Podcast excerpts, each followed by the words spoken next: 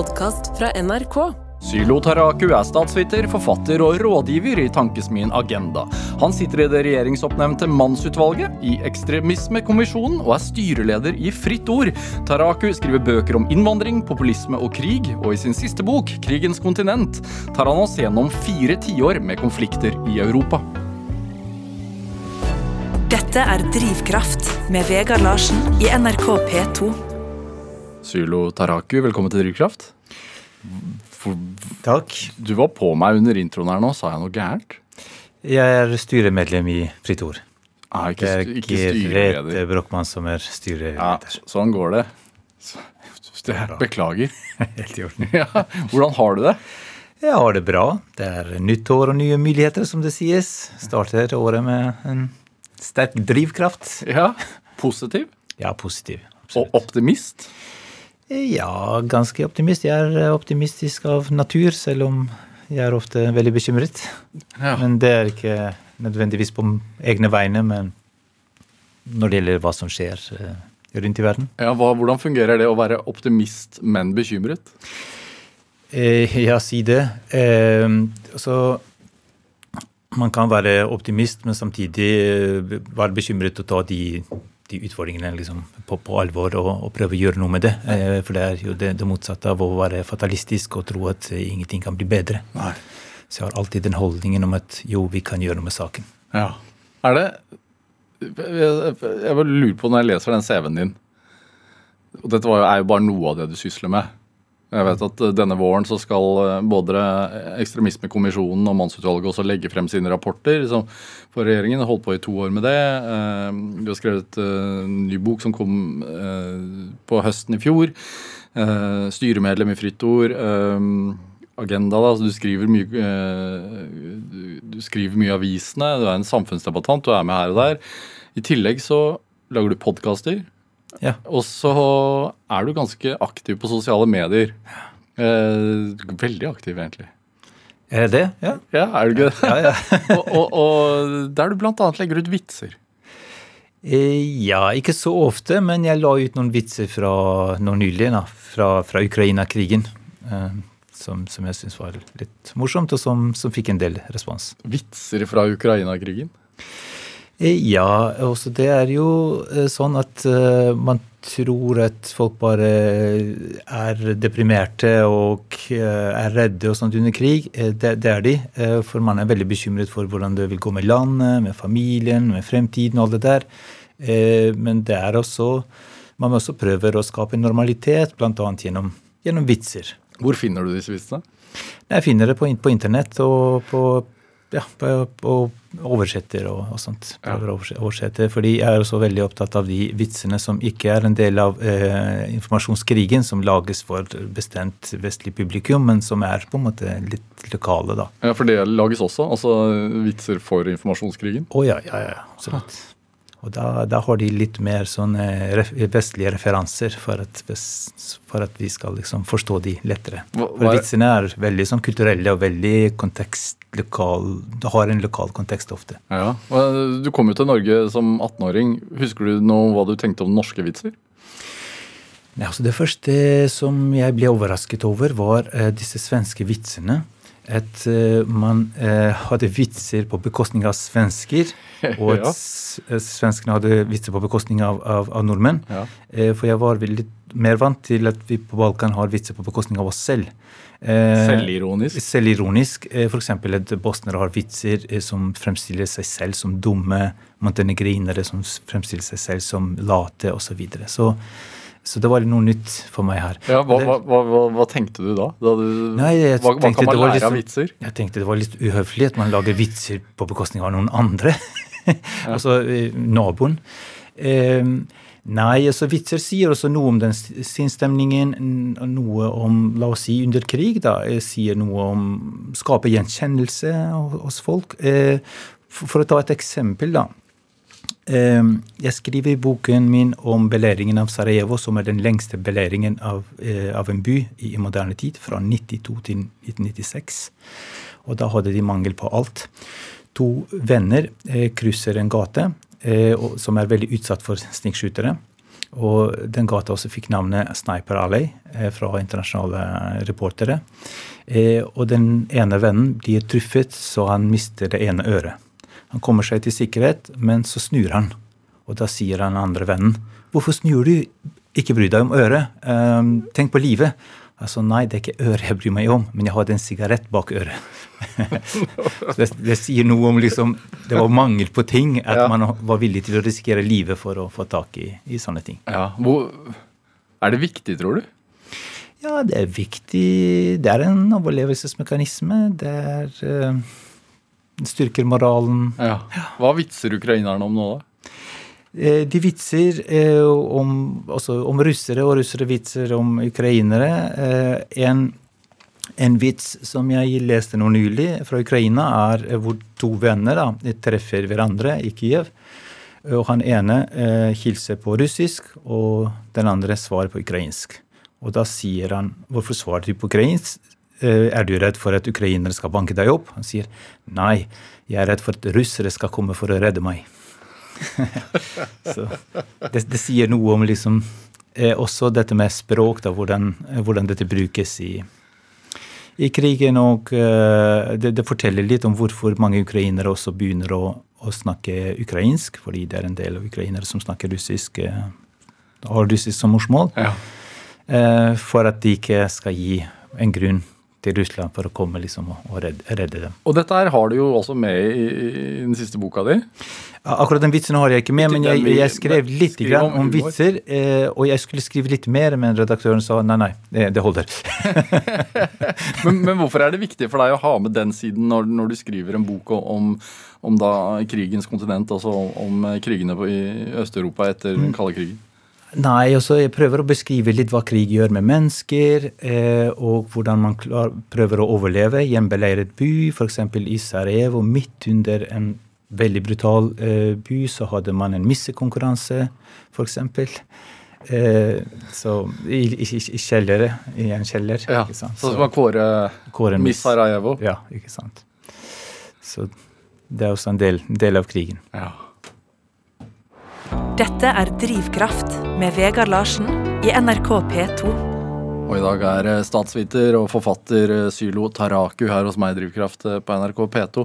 Altså, du er jo øh, statsviter. Du undersøker konflikter. Øh, satt på spissen. Hvordan ser du på 2024? Hva tenker du om året som akkurat har startet? Er du optimist da også? Eh, nå er jeg veldig bekymret, eh, fordi vi har to store kriger eh, som pågår nå. Mm. Eh, krigen i Gaza og krigen i Ukraina. De er svært intense kriger. Eh, veldig ødeleggende med mange eh, dødsofre. Eh, det som også er veldig spesielt med disse krigene, fordi det er alltid eh, noen kriger som pågår i verden, er at det er eh, to kriger som har potensial for å eskalere. Mm. Både Ukraina-krigen og krigen i Gaza har, har, det potensialet, og det er farlig, farlig for verden. Men disse krigene har så store konsekvenser utover dem som rammes av krigen. Har konsekvenser for f.eks. krigen i Ukraina, for sikkerheten i Europa. Mm. Man ser at vi, vi, andre også blir rammet i form av økte priser. Og den følelsen av uro, utrygg, utrygghet. Eh, når det gjelder krigen i Gaza, så er konsekvensene i form av polaris økt polarisering i verden. Gapet mellom Vesten og det globale sør øker. Du ser polarisering her i, i vestlige land også, fordi Vesten blir beskyldt for dobbeltmoral. Men så har det også en annen eh, veldig deprimerende konsekvens, og det er økt antisemittisme, som jeg også er veldig opptatt av. Så jeg tenker at vi må liksom engasjere oss for det som skjer der, men vi må også prøve å minske de negative konsekvensene av disse krigene for oss her. Hatretorikk, rett og slett? Ja, hatretorikk. ikke sant? Det, blir sånn lav, lavere terskel for f.eks. antisemittisme, som jeg også ja. er bekymret for. Jeg så, så noen i den svenske eh, forsvarsledelsen eh, i går eller foregårs sa at eh, man må være forberedt på at krigen også kan komme dit? Ja, jeg så den uttalelsen. Eh, syns ja, det er alltid viktig å være sånn, forberedt og sånt, men det, man må heller ikke skape panikk i befolkningen om, om at krig kan kan komme, kan bli en realitet. Nei. Hvorfor gjøres det, tror du? Eh, nei, også nå er vi inne i en periode hvor det kommer til å bli satset mer på opprustning. Og da trenger man eh, at folk tar, tar sikkerhet og, og sånn på alvor, da. Ja. Det er jo uh, i, i, krigens kontinent, Europa etter den kalde krigen, uh, boka di, så, så, skriver du om krigene som fulgte etter oppløsningen av Sovjetunionen og, og Jugoslavia. Mm. På hvilken måte er det aktuelt for dagens situasjon? Eh, jo, for alle disse krigene eh, kan knyttes til oppløsning av disse to statene, disse to kommunistiske konstruksjonene, altså Sovjetunionen og Jugoslavia. Hva var det som fikk deg til å tenke at ja, nå, dette er tidspunktet å skrive det på? Eh, det, det, var av krigen i, i Ukraina. Mm. Eh, og at det er krig i Europa. Eh, og når alle snakker om krig i Europa, eh, mange snakker som om på en måte, dette er den første krigen etter andre verdenskrig. Jo, det er den største krigen, kan man si, men det har vært flere kriger. Eh, og, og, jeg prøver å sette disse i kontekst. Jeg merker nå at mange ikke husker krigene på Balkan på, på 90-tallet. Sikkert mange unge i dag som ikke engang vet at det er et land som het Jugoslavia? Som, nei, nettopp. Eh, og jeg blir sånn stadig overrasket. For det er mange som var barn den gangen, og mange som er født etterpå. Mm. Og det snakkes ikke så mye om det heller. Og jeg er opptatt av at vi ikke glemmer eh, etnisk rensing som fant sted, massakre, folkemord. Vi hadde konsentrasjonsleirer. Eh, over 100 000 mennesker ble drept i, i krigene på Balkan. Hvorfor har det gått i glemmeboken? Over 100 000 også i Tsjetsjenia, som jeg også skriver om. Eh, eh, nei, altså det skjer veldig mye i verden. Og så snakkes det ikke så mye om dette på skolen heller. Det er ikke en del av utdanningen som jeg hadde håpet at det ble, for det, var grusomme kriger i, i, Europa. Og Norge var faktisk involvert i krigen i Kosovo i 1999. Mm. Nato intervenerte der. Så veldig lite snakk om det. Ja. Eh, men, eh, men, altså eh, Putin eh, har sånne veldig ofte referanser til krigene på Balkan og Kosovo, Nato-intervensjonen og, og, Georgia og sånn, så alt dette her henger litt sammen. Eh. Hvordan bruker han det? Ja, han bruker retorisk eh, mot Vesten eh, og, og, sier hvis den regionen fikk uavhengighet, så skal også eh, disse republikkene i, i Donbas også få utbryterrepublikkene få uavhengighet der for å angripe dob vestlig dobbeltmoral, som, som, han kaller det. og sånt. Ja. Mm.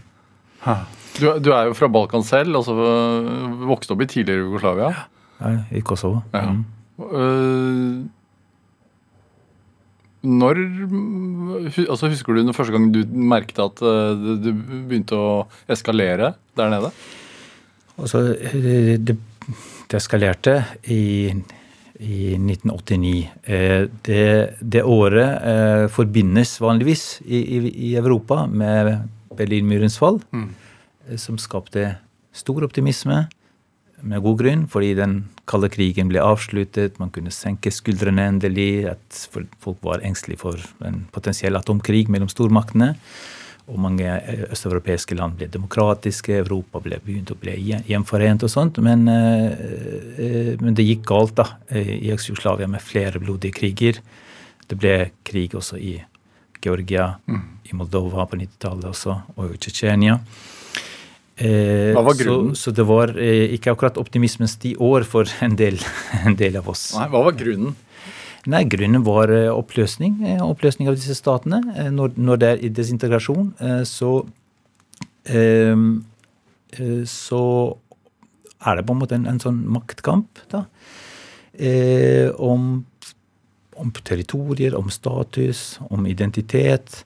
Det er en del minoriteter som finner seg ikke som ikke føler seg hjemme i de nye statene som ble opprettet, mm. som enten ønsker å være uavhengig selv, så er en sånn dobbel desintegrasjon, eller knytte seg til moderlandet, det man kaller det. F.eks. russere i Moldova, da, ikke sant, som tenkte ok, Moldova vil kanskje bli en del av, uh, slå seg sammen med Romania, vi vil heller være uavhengig eller en del av Russland. Mm -hmm. eh, minoritetsgrupper i Georgia som ikke følte seg hjemme i Georgia, som gjorde opprør opprettet utbryterrepublikker, serbere i Kroatia, i Bosnia osv. Så, videre. så det ble, det ble veldig mye sånn separatisme og nasjonalisme eh, og flere steder. Mm. Eh, så det, det, er sånn separasjonsprosess som er som er veldig konfliktfylt. Eh, I Ukraina så hadde man ikke det. Eh, Men det ble litt langsom separasjonsprosess mellom Ukraina og Russland, kan man si.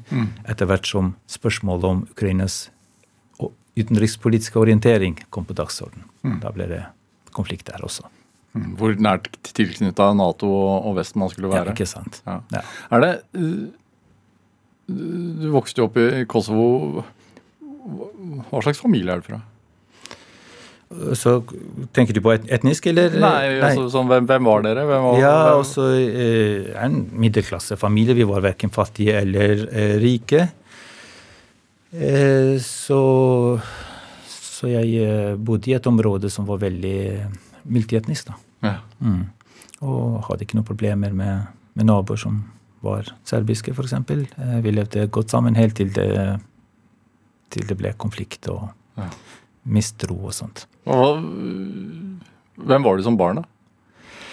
Nei, altså jeg var eh, eh, jeg, jeg var, jeg var flink på skolen. Eh, jeg gjorde leksene sånn med en gang jeg kom hjem, bare for å liksom slippe det maset fra foreldre. Og så, så brukte jeg hele dagen ute. Eh, vi bodde i byen, og min far var født i byen, men min mor var eh, fra, fra landsbyen, så jeg reiste ofte til mine onkler og, og tanter der. Hvilken by? Eh, og så Peia i, i Vest-Kosovo. Eh, så jeg har vel, veldig mange gode minner fra, fra bygda. Ja. Hva gjorde moren og faren din? Nei, Faren eh, var eh, eh, fag, fagforeningsleder. Sånn. Eh, jobbet med, med det. Var eh, liksom kommunist, som alle andre var i, i den tida. Mm. Husker han hadde en eh, tjukk biografi av Stalin eh, hjemme i stua, og eh, vi hadde en liten byst av Lenin. og han Snakket pent om Lenin, veldig kritisk til Stalin. Så han var liberal innenfor liksom, det kommunistiske systemet. da. Ja. Og jeg var også opptatt av, eh, av disse her vestlige klesmerkene. da, var veldig, og Hadde lyst på liksom Adidas og Puma og sånt, og maste veldig til moren min om, om å kjøpe disse. De, de var veldig dyre den gangen. så Det var luksusvarer, men det ga status. Hvordan, merker, hvordan eh, merker man at man vokser opp i, eh, under kommunismen? Altså, man merker ikke det noe særlig. Det, man går ikke rundt og tenker 'jeg bor i et autoritært regime'. Det er, ikke, det er ikke det man tenker på. Eh, men når, når, når ting skjer eh, F.eks. problemet var da kommunistene begynte å bli nasjonalister, som Slobodan Milosevic opphevet Kosovos støvsure i 1989. Gruvearbeidere begynte å streike i, i protest, og jeg deltok i protester for å solidisere meg med, med disse gruvearbeiderne. Og Som 16-åring, Som liksom? 16-åring og ropte om demokrati. Så det var på en måte min første eh, politiske engasjement. Det, det startet da. Hvor kom det fra? Eh, Nei, også i gymnaset så, så var alle eh, Så så ble det sånn at vi organiserte oss i demonstrasjoner. Vi så på nyhetene hva som skjer, og vi følte at det var svært urettferdig. Eh, og så ble det veldig voldelig, disse demonstrasjonene, og en som jeg kjente fra gymnaset, ble drept. Så, så det kunne liksom Ja, det var farlig, faktisk. Og det ble portforbud, og spesialstyrker hadde sånn kontroll, checkpoints, og kunne mishandle folk på gata. og Hvor fort skjedde den endringen? ja, det skjedde veldig fort. Um, ja, utrolig fort. Uh, fordi eh, Ja, sånn enkelte hendelser skjer, skjer veldig fort. Det, det var eh, endringer på systemnivå. Milo Milosevic han utnyttet situasjonen for å komme til, til, til makten. Mm. Så, så jo, det skjedde fort. Ja. Og det er det som også preger meg litt, da, at man kan ikke ta stabiliteten for gitt, fordi ting kan, kan skje fort. Er man naiv? Eh, Her i Norge, tenker man? eller? Ja. Eh, nei, også man skal ikke gå rundt og være bekymret, eh, fordi jeg eh, setter pris på tilliten her. Jeg husker når jeg kom til Norge og bodde på et asylmottak sammen med mange andre asylsøkere. Noe av det første inntrykket vi hadde av nordmenn, var at de er så naive. Hvorfor det? Ja, fordi de, de, de stolte på alle, på alt som ble sagt. og ikke sant? Man hadde ikke den mistilliten som mange av oss hadde med, med seg fra, fra hjemlandet. Så man tenkte just, dette er naive folk. Men etter hvert så begynte jeg å sette pris på denne såkalte naiviteten, for det betydde at man lever i et samfunn med høy tillit. Ja. Huh. Hva er det sterkeste minnet ditt fra Kosovo? det, også de, de urolighetene eh, er, er, på en måte veld, veldig sterkt. Også disse krig, krigen, f.eks. Ja. Da jeg, da jeg eh, så eh, byen min eh, ødelagt, og spesielt den gamle delen av byen, da var jeg veldig, veldig trist. Fordi jeg var sjokkert over at det kunne skje. Fordi jeg tenkte krig er noe som man leser i historiebøker, noe man, man ser på filmer. Mm. Noe som man hører historien til. Så jeg trodde ikke det skulle bli realitet. Så, så, så det var veldig, veldig sterkt å oppleve det. Mm. Og nå nå opplever ukrainere det samme, og jeg, jeg, jeg, kjenner meg veldig igjen i den, den, følelsen de har. Ja, Var det sånn for deg at du gikk på skolen en dag, og så dagen etterpå så eh, Ja, altså det, det, er alltid noen spenninger sant, ikke sant, eh, på, som, som, skjer, polarisering og sånt. Eh, men det, ble, det, som skjedde på skolen, var at vi ble atskilt på etnisk grunnlag. At eh, serberne hadde sine egne avdelinger på gymnaset, og vi var andre. Hvordan opplevdes det?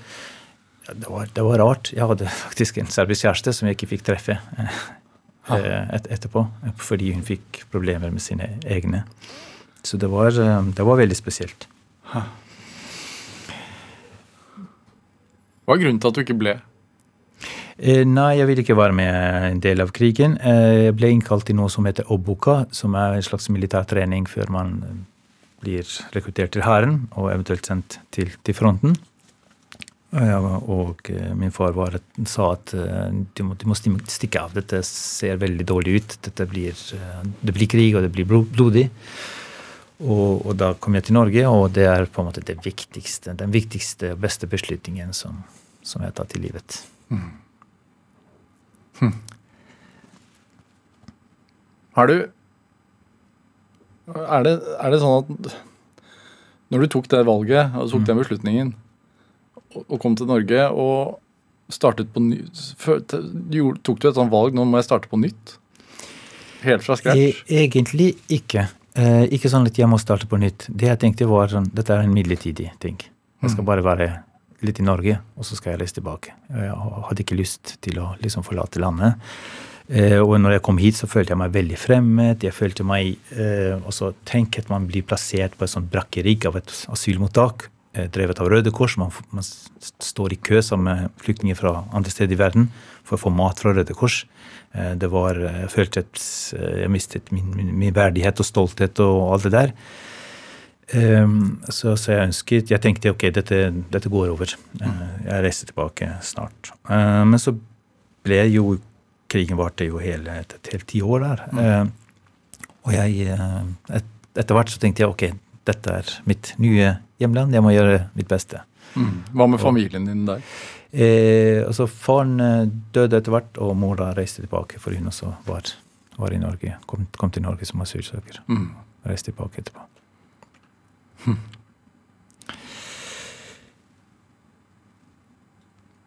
Går det bra? Eh, ja, det går, eh, det går bra. Ja. Er det grunnen til at du har valgt den retningen i livet hvor du har, hvor du har skrevet om dette mange ganger? Uh, og, og, har jo brukt uh, voksne livet ditt på å bli statsviter og, og, undersøke krig og konflikt og innvandring, og, og også med tanke på hva som skjedde på Balkan den gang. og hvor kommer det engasjementet fra? Er det det? Er det den opplevelsen av å ha kjent det så nært?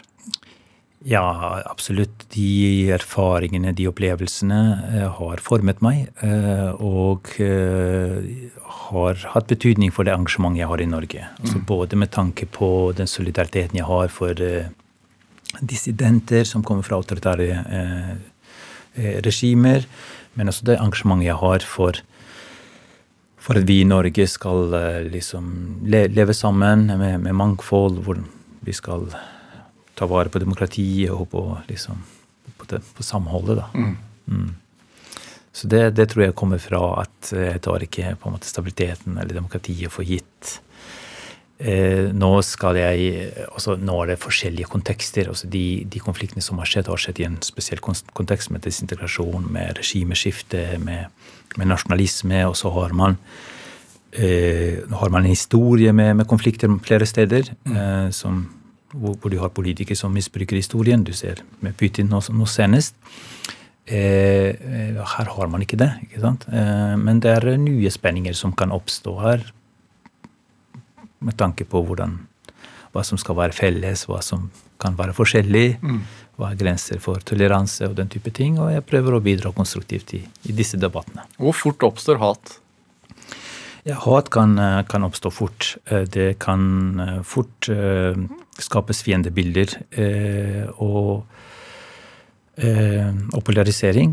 Så så er jeg vel, mest bekymret for polarisering. Også jeg er statsviter, og det er vanlig for statsvitere å være bekymret over at institusjoner svekkes og den type ting. Men, men jeg tenker det er polariseringen som, er, som jeg er mest bekymret for. Eh, fordi eh, for det, svekker på en måte den demokratiske kulturen, det skaper hat mellom folk, og det blir på en måte mye vanskeligere å håndtere konflikter. Det, den definisjonen av, av, av liksom demokratiet som jeg legger mest vekt på, er at det er et system for fredelig løsning av konflikter i et samfunn. Derfor trenger vi å ta vare på demokratiet også i en multietnisk eh, kontekst. For demokratiet i Vest-Europa ble utviklet da eh, disse landene var veldig etnisk homogene. Og så blir man mer og mer multietnisk. Og da er det enda viktigere, å, viktigere med demokratiet å løse disse konfliktene på, Ja. på en fredelig måte. Hvordan, hvordan er polariseringen på Balkan i dag? Det er det som er det triste med disse konfliktene, er at selv når det blir fred, så fortsetter hatet og mistilliten kan fortsette veldig, veldig lenge. Fordi folk husker eh, ting som har skjedd, og de husker bare sin egen side. Tenker ikke på de andre. Eh, og, eh, og liksom de, de, de feirer forskjellige ting, og de sørger over forskjellige ting. Eh, Så de har forskjellige fortellinger og for, for, forskjellig hukommelse, som også skaper avstand i lang tid eh, etterpå. Så eh, jeg er eh, veldig opptatt av at man, når man forteller historien om, om kriger, at man også forteller historier om hvordan folk har dypet hverandre under krig. Um, så jeg har sånne historier også i, boken min også fra disse, disse krigene. Der, eh, for det som er vanlig etter krig, er at man, um, man har sånne generaler eller helter, krigshelter. Man har de som har kjempet for, sine egne, og det er helt normalt. Eh, men vi må også feire humanistiske helter. De som setter humanitet over la oss si, nasjonal identitet og sånn. Eh, Et eksempel er en general, serbisk general i Sarajevo som, som kriget mot sine egne fordi han ville forsvare Sarajevo som en multietnisk by. Så han sa det er på en måte Sarajevos kosmopolitiske sjel som blir angrepet, eh, og han følte ansvar for å forsvare byen sin. Og gi- hjelpe etterpå krigsofre etter krigen og sånt. Eh, Fin, fin fyr. Og, eh, og så har du journalister i Sarajevo, i Oslopocenia-avisa, som også bestemte seg for at de skal være multietniske under hele krigen. Og rapportere så objektivt som mulig. Mange ble drept. Um, og og man, jeg har også en historie fra en kirurg i Krosny som reddet mange mennesker. Amputerte mange eh, i løpet av dagen. altså eh, En gang uten å sove i to dager. Han besvimte, han måtte få litt snø i ansiktet for å, for å vekkes. Og de sa du må hvile. Han sa nei, jeg må fortsette. Men det han gjorde som gjør han spesielt, er at han eh, reddet også russiske soldater. Og da ble han utsatt for press og trusler fra tsjetsjenere. Hvorfor skal du bruke liksom, tid på å redde vår fiende? Han sa nei, skal jeg redde folk, så må jeg redde alle, uavhengig av etnisitet. Eh, så Å fortelle sånne historier tenker jeg er viktig for å unngå, unngå sånn kollektiv skyld, eh, men også å eh, også vise at mennesker har en moralsk autonomi selv i ekstreme situasjoner. Vi kan handle eh, rett og annerledes. Men det krever mot, og derfor eh, fortjener de anerkjennelse. Har du sett på altså det at øh, dere i klassen ble, ble delt opp øh, i, i forhold til etnisitet, har, men har du sett på nært hold at, at uh, man blir ekstrem? Altså at man, man utvikler hat fordi at uh, propagandaen og, og, og, og myndighetene sier at man skal det? Ja, ja. eh, Det, det, det har jeg sett. Eh, En, en serbisk barndomsvenn av meg ble faktisk med i en som paramilitær gruppe. Jeg har hørt rykter om at han har vært med på, på, på overgrep og sånt. Eh, det ja, jeg har tenkt hvordan er det mulig at han var så snill eh, å havne, havne der. Eh, men det er det som skjer i ekstreme situasjoner. Eh, er en, en kroatisk forfatter, Slavenka Drakulic, skrev en bok eh, basert på hennes observasjoner av disse krigsforbrytersakene i Haag. Mm. Og vi, eh, vi, vi, tenker ofte sånn ja, dette er monstre som dreper uskyldige mennesker, som torturerer og sånt. Og vi fant ut at det var mange helt vanlige mennesker som ikke gjort noe galt før krigen. Så boken hennes heter 'Ingen flue fortredt'. Eh, så man kommer i en situasjon hvor man må velge side. Mm. Og kan havne i en gruppe hvor det forventes at du gjør som alle andre, og kanskje noen snille gutter kanskje gjør ekstra grusomme ting for å vise seg at han er, han er tøff mm. overfor de andre. Mm. For å få aksept. Hva? Så krig eh, kan få det verste ut av oss, men også det beste. Så jeg er også opptatt av, av det. Hvordan er konfliktnivået på Balkan nå? Eh, nei, det er spenninger. Eh, Tror du, spenninger også i Kosovo, dessverre. Tror du det lar seg påvirke av det som skjer i Ukraina? Eh, det er en uro. Eh, krigen i Ukraina skaper litt uro eh, flere steder. I Moldova, som har en uløst konflikt med sånn utbytterrepublikk der. i Georgia også, og også på Balkan. Så jeg er opptatt av at vi ikke bare glemmer de krigene eh, som har vært, og lærer, men også at vi viser interesse og har kunnskap om de uløste konfliktene på, i Europa.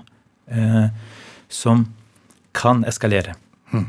For eh, mange er, er, redde for det. Eh, og så får de ikke nok oppmerksomhet. Eh, bare for å ta et eksempel. Nagorno-Karabakh Eh, dere i NRK har rapportert mange år om den konflikten mellom Aserbajdsjan og Armenia. Hva skjedde nå? Eh, Aserbajdsjan tok Nagorno-Karabakh. Mm. Alle armenere ble drevet på flukt. Mm. De forlot sine historiske områder. Ingen brydde seg om det. Fordi det, det oppsto et sånt historisk momentum for Aserbajdsjan å ta det området. Mm. Eh, det går under radaren. og det går under radaren. Ja. Så det er det mange fra disse uløste konfliktene er redd for. At ting kan skje uten at noen bryr seg. fordi det er så mange viktige ting som skjer i verden at man får ikke nok oppmerksomhet. Nei, og Hva skjer da? Nei, Man kan utnytte en uh, geopolitisk situasjon til å liksom til å oppnå de, de politiske målene man har ja. gjennom, gjennom, krig. da. Så, så, er det alltid kriger som går under radaren. Uh, det var en brutal krig i Etiopia mm. uh, nå nylig. Ja. I Tigray-provinsen med kanskje over en halv million mennesker som ble drept. Ingen brydde seg om det. Ikke, ikke, så mange som rapporterte om det. Ikke så stort engasjement. Mm. Dessverre. Det, det skyldtes også at det var ikke tilgang til, til journalister heller. Sylo Saraku, vi må spille litt musikk. Ja. Vi må få opp stemningen her. um, du har med en a-ha-låt. Yes. 'Hunting High and Low'. Hvorfor det? Ja, fordi eh, jeg var eh, stor fan av a-ha før jeg kom til Norge. Eh, og det var det jeg visste om Norge, at man hadde denne popgruppen. da, eh, aha. Hadde du sånne skinnarmbånd som Morten Arketale? Eh, nei, jeg, jo, jeg hadde faktisk det. Jeg hadde det. Så det, det jeg, jeg, ser på a-ha som en slags bro mellom det tidligere livet og det, det livet jeg har nå. Ja. Jeg, jeg, sjekket nå på Spotify, som gir en oppsummering av hva man har hørt. At jeg tilhører 0,5% av verdens befolkning som er fan av, stor fan av a-ha. Here I am, and within the reach of my hand, she's sound asleep, and she's sweeter now than the wildest dream. Could have seen her, and I watch her slipping away, but I know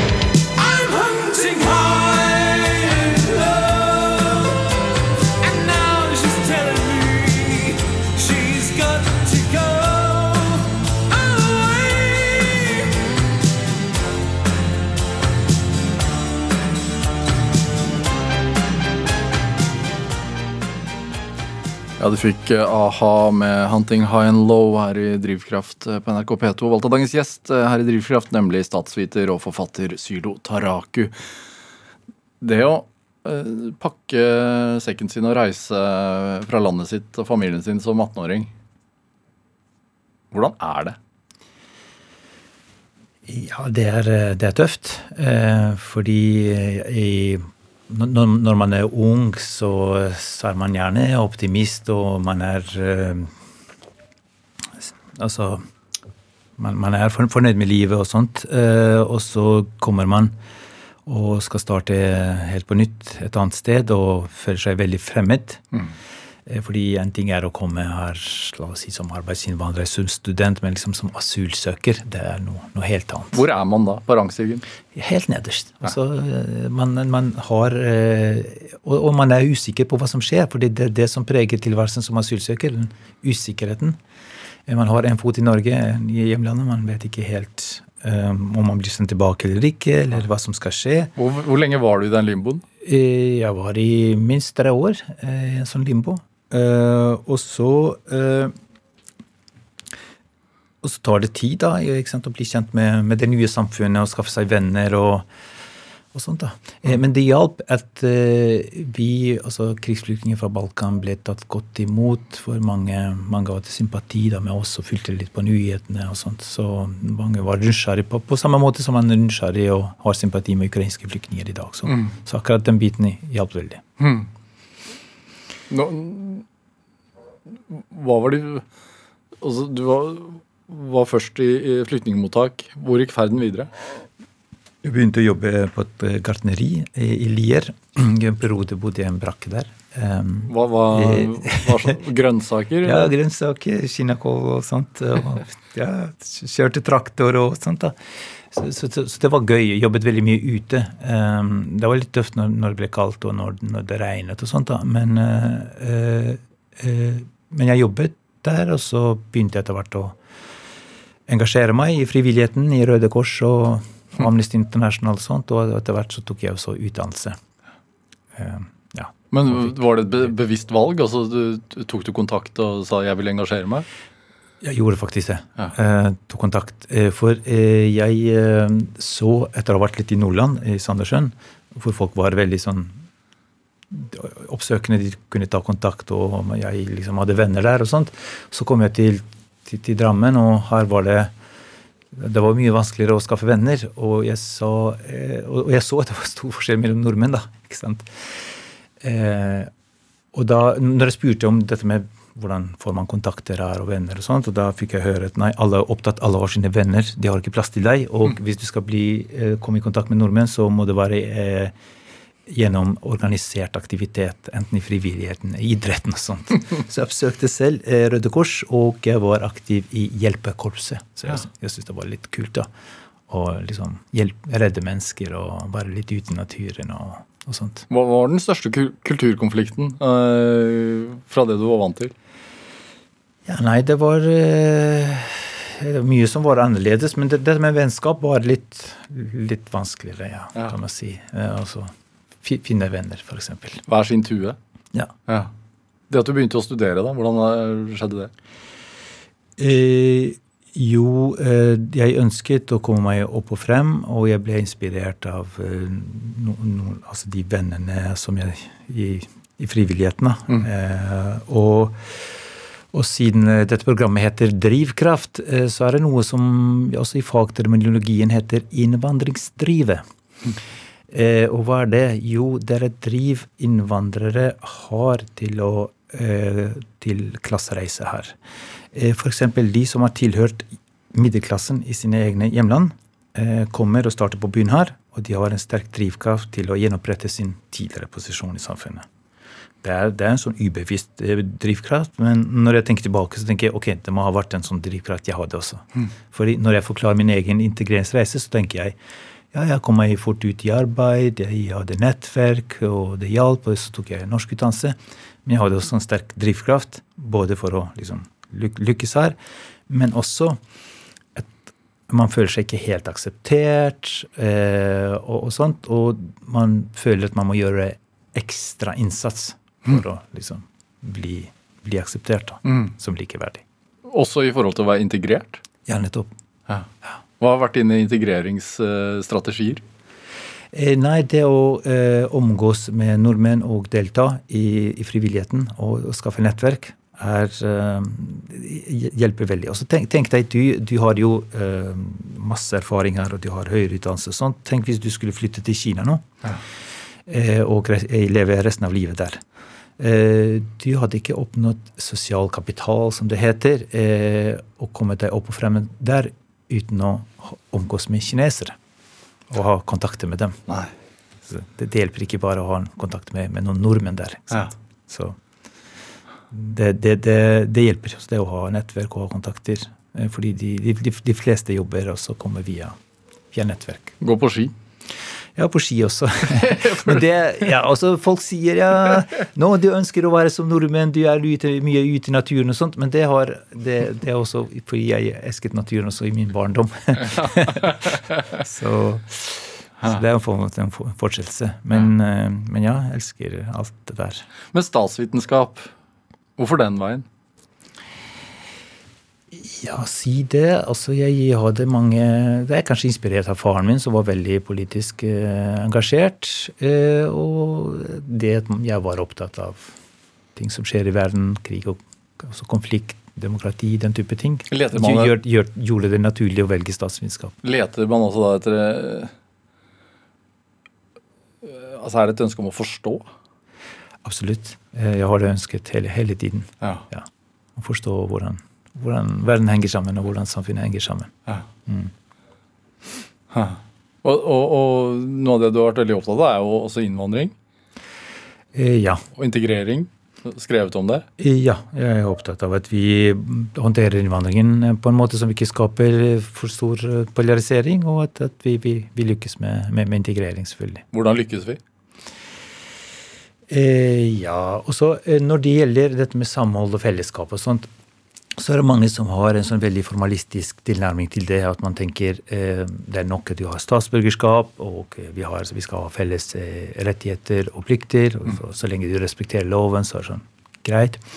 Eh, jeg tenker eh, mer på, på det subjektive, som også er viktig. Og det er sånn tilhørighetsfølelse. Det å føle at man hører til her. At man er en del av det fellesskapet. Det at man er eh, glad i Norge, lojal mot det samfunnet man har kommet til. Eh, og til og med liksom klar for å ofre mye for, for landet hvis, hvis det trengs. Eh, og så er spørsmålet hvordan skaper man den tilhørighetsfølelsen eh, som er subjektiv, eh, som ikke handler om pass og sånt? Jo, det, det gjør man gjennom at man føler seg eh, inkludert, man føler at man blir rettferdig behandlet, eh, og at man har tillit. Det er mange som ikke har den følelsen, eh, og det skaper avstand.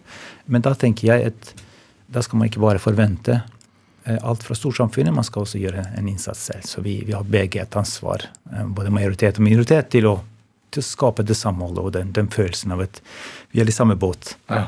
Hvordan gjør man det, da? Hvordan, hvordan skaper man det selv? Ja, altså Vi har noen konflikter som vi må ta tak i eh, og snakke åpent om det. Eh, ikke feie ting under teppet, slik man gjorde i, i det kommunistiske Jugoslavia f.eks. Og så kom ting på overflaten eh, etterpå. Eh, og så eh, det, det er slik man bygger, bygger tillit. Eh, snakke åpent, ikke, ikke mistenkeliggjøre hverandre. Eh, og eh, prøve å, å ha noe felles, da. Eh, For eh, når det gjelder denne innsidigheten Det er sånn historieløst å tenke at eh, det er kun majoriteten som, som undertrykker minoritetene, eh, og det er det som er det eneste problemet. Så mange av de konfliktene som jeg skriver om, eh, skyldes at majoriteten ikke har vært inkluderende nok i nasjonsbygging. De har tenkt at denne staten tilhører bare oss. De har ikke brydd seg om minoritetene. Og da blir det fort separatisme og, og sånt. Eh, men noen ganger så har det vært sånn at minoritetene har ikke, har ikke ønsket å bli inkludert, har også ekskludert seg selv. Eh, så, så minoritetene har også et ansvar for å bidra til å bygge fellesskapet. Så Har du et også, eksempel på hvor det har vært tilfellet? Eh, jo, så de har eh, separatisme i, i mange av, av de, de, landene. Eh, jeg nevnte Georgia som et eksempel, hvor, hvor, det er på en måte en gjensidighet. Du har Georgias nasjonsbygging som har vært veldig nasjonalistisk og ekskluderende. Og så har du de minoritetene selv. Og i Kroatia, f.eks., hvor serbere ikke ville være med i en ny kroatisk stat. Mm. Eh, og, og, laget sin egen utbryterrepublikk osv. Så. Eh, så man har mange sånne eksempler. Og man har også eksempler i Vest-Europa hvor eh, det er, det, er, noen som aktivt avviser storsamfunnet og, og skaper mistillit. Mm. Så det må vi liksom jobbe med, da. Så Tenk på Europa og med, med, med etter Berlinmurens fall og, og, etter at det ble fred på Balkan, og, og med EU og fikk jo et sånt bilde av et sånt fellesskap. At man er europeer, og det er trygt, og det, eh, man vil hverandre vel, og, og fri flyt av, av, arbeidskraft og penger. Men hva, hva, er situasjonen nå? Nei, altså jeg er veldig eh, til, tilhenger av EU, eh, ikke minst på, av, eh, altså på grunn av to ting. Det, det, ene er at det skapte forsoning i Europa etter andre verdenskrig. Ja. Det ble ikke noe krig mellom vesteuropeiske land etter, et, et, altså etterpå. Eh, det andre er denne her gjenforeningen med Øst-Europa og demokratisering av østeuropeiske land som, som, trengte et nytt angersfeste, og som begynte å rette seg mot, mot Europa og, og, Vesten. Så det å bare liksom, å stille krav til dem om at ønsker dere å være en del av den europeiske familien, demokratiske familien, så må dere ha reformer, bekjempe korrupsjon og sånn. Mm det ga insentiver til demokratisering, som jeg syns er veldig viktig. Og så tenker jeg at spredning av demokrati er også spredning av fred på, på sikt, fordi demokratier ikke, ikke kjemper mot hverandre. Eh, så, så, absolutt. Eh, men så har europeiske land også sine egne utfordringer internt med å håndtere mangfold. Mm. Frankrike er et eksempel hvor, eh, hvor, hvor man har store problemer. Eh, så, så, det er jeg også opptatt av å, av å ta opp. da. Jeg har reist veldig mye til eh, Frankrike, Belgia, Nederland, Sverige, til utenforskapsområder og sett litt på hva som har gått galt der. Mm. Og prøver å trekke lærdommer derfra, slik at vi ikke havner i, i samme situasjon her i Norge. Ja. Heldigvis så, så, er det, så, er det, mye bedre her. Vi har et samfunn med høy tillit, eh, med lavere forskjeller enn mange andre steder. Eh, og vi har bedre forutsetninger for å lykkes enn de fleste andre. Du sitter jo i regjeringens ekstremismeutvalg og også mannsutvalget. Um, eller ekstremismekommisjon heter det egentlig. Ja. Men også mannsutvalget. Hva er dette mannsutvalget? Ja, det er et utvalg som skal se likestillingsutfordringer er også et, et mannsperspektiv. Da. Ja. For vi har hatt en veldig lang eh, altså, periode med, med, med likestilling som, som, har fokusert på kvinners uh, rettigheter, med, med, god grunn. Uh, men så har man glemt at det er menn også har en del utfordringer. Men har man det? Glemt det? Ja, det, det, vil jeg si. Og det som er litt spesielt med, med dette utvalget også, Jeg har ikke hatt en sånn veldig sterkt engasjement for, for menns likestillingsutfordringer før jeg ble spurt om å sitte der. Men nå ser jeg ting med nye briller. Jeg mm. ser på på ting. Eh, Som for eksempel? Nei, også siden vi snakket om krig, da. Eh, et, et eksempel på det er at, eh, at, man hele tiden snakker om kvinner og barn som ofre, mm. og ikke om menn. Også, og, og da, da, tenkte jeg ja, men også menn rammes som sivile. Mm. Men ingen, ingen, gråter for dem. Jeg skrev en kronikk som heter 'Ingen gråter for menn i krig'. Eh, og at det er nesten som at ja, deres liv ikke, ikke, ikke, er verdt. Det er jo unge som blir drept. Det er unge som har et liv foran seg, og de har også folk som gråter for dem. Mm. Eh, foreldre, søsken, kjærester eh, og sånt. Eh, så, så, det er så, masse, masse, sånne ting som jeg ser på. Også, og, og, ja. Altså en 17 år gammel uh, russisk uh, gutt, da Eh, så blir jo plutselig omgjort til soldat. Man er ikke engang mann. Nei, ikke sant.